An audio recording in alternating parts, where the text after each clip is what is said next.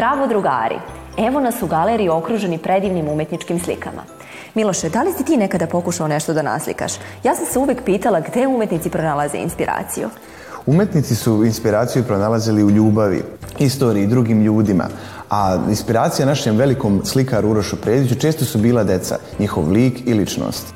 A da li si znao da je Uroš Predić crtao za dečiji list Neven koji je pokrenuo Čika Jova Zmaj? Sigurno znaš one stihove. Ja se često namrštim i stanem iza vrata, pa se srdim, srdim po dva, po tri sata. Veruje se da je upravo Zmajeva pesma Srda bila inspiracija za sliku nadurena devojčica. Milice, sad si me baš vratila u detinstvo. Hajdemo onda što pre da se upoznamo sa nadurenom devojčicom, jednim od najvećih blaga koje ova galerija ima.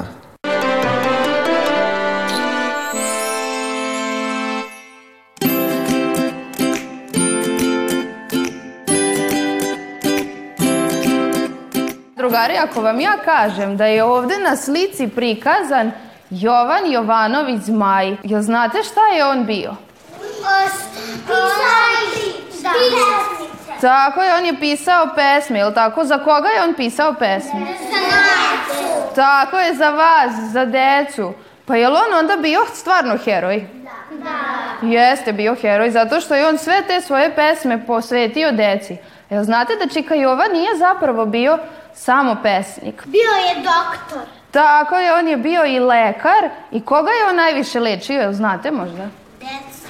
Tako je, on je ceo svoj život u stvari posvetio kako lečenju dece i sve svoje pesme je posvetio deci.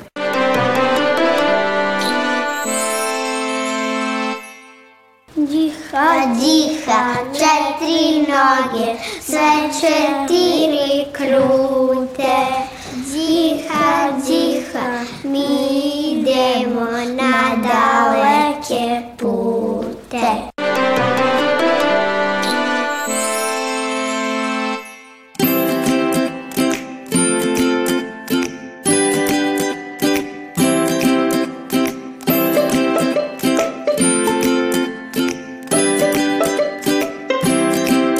Čika Jovu Zmaja nisu, nisu volela samo deca, nego su ga voleli i umetnici.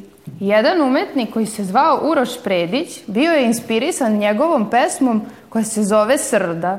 Ta pesma govori o jednoj devojčici koja se jedno vreme jako mnogo ljutila, tako je stalno išla namrštena i onda kad su joj pitali šta joj je, ona nije znala da im odgovori, pa je odlučila da se ona više ne srdi toliko.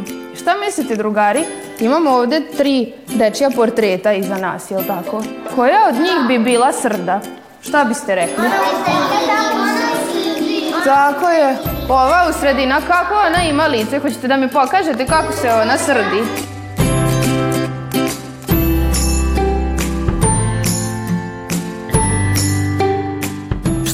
Mislite, što nam se ova srda nasrdila? Mi je zovemo još i nadurena devojčica. Možda ima brata i sestru, pa sam malo postavljala. Koliko treba slikaru da naslika jednu sliku ovakvu? Tri dana. Tri dana. Kaži.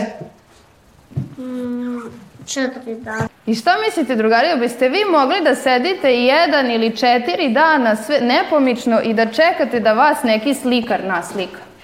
Hm? Da. Jedan dan bi mogla da sediš sve vreme ovako ozbiljno, da sediš i da gledaš u slikara.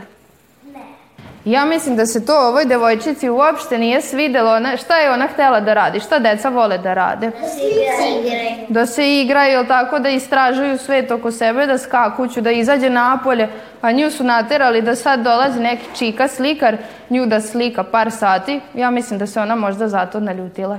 Jeste slažete vi sami?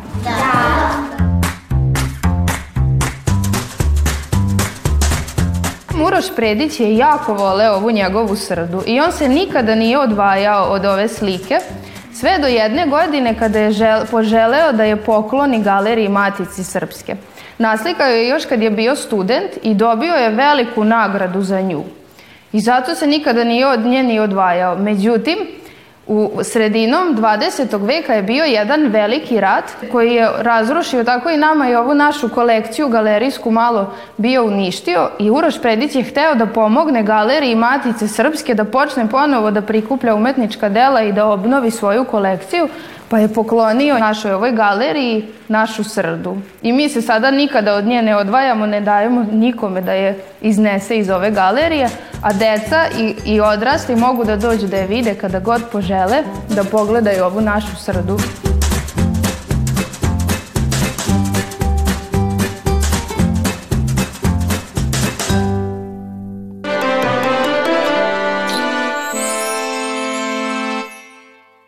Predić nam je ostavio veliko blago svojim slikama, a danas smo imali priliku da se upoznamo sa jednom od njih. Čuli smo priču o nadorenoj devojčici i naučili nešto novo. A već sledeće sedmice idemo u novu potragu za naučnim blagom. Vidimo se, drugari!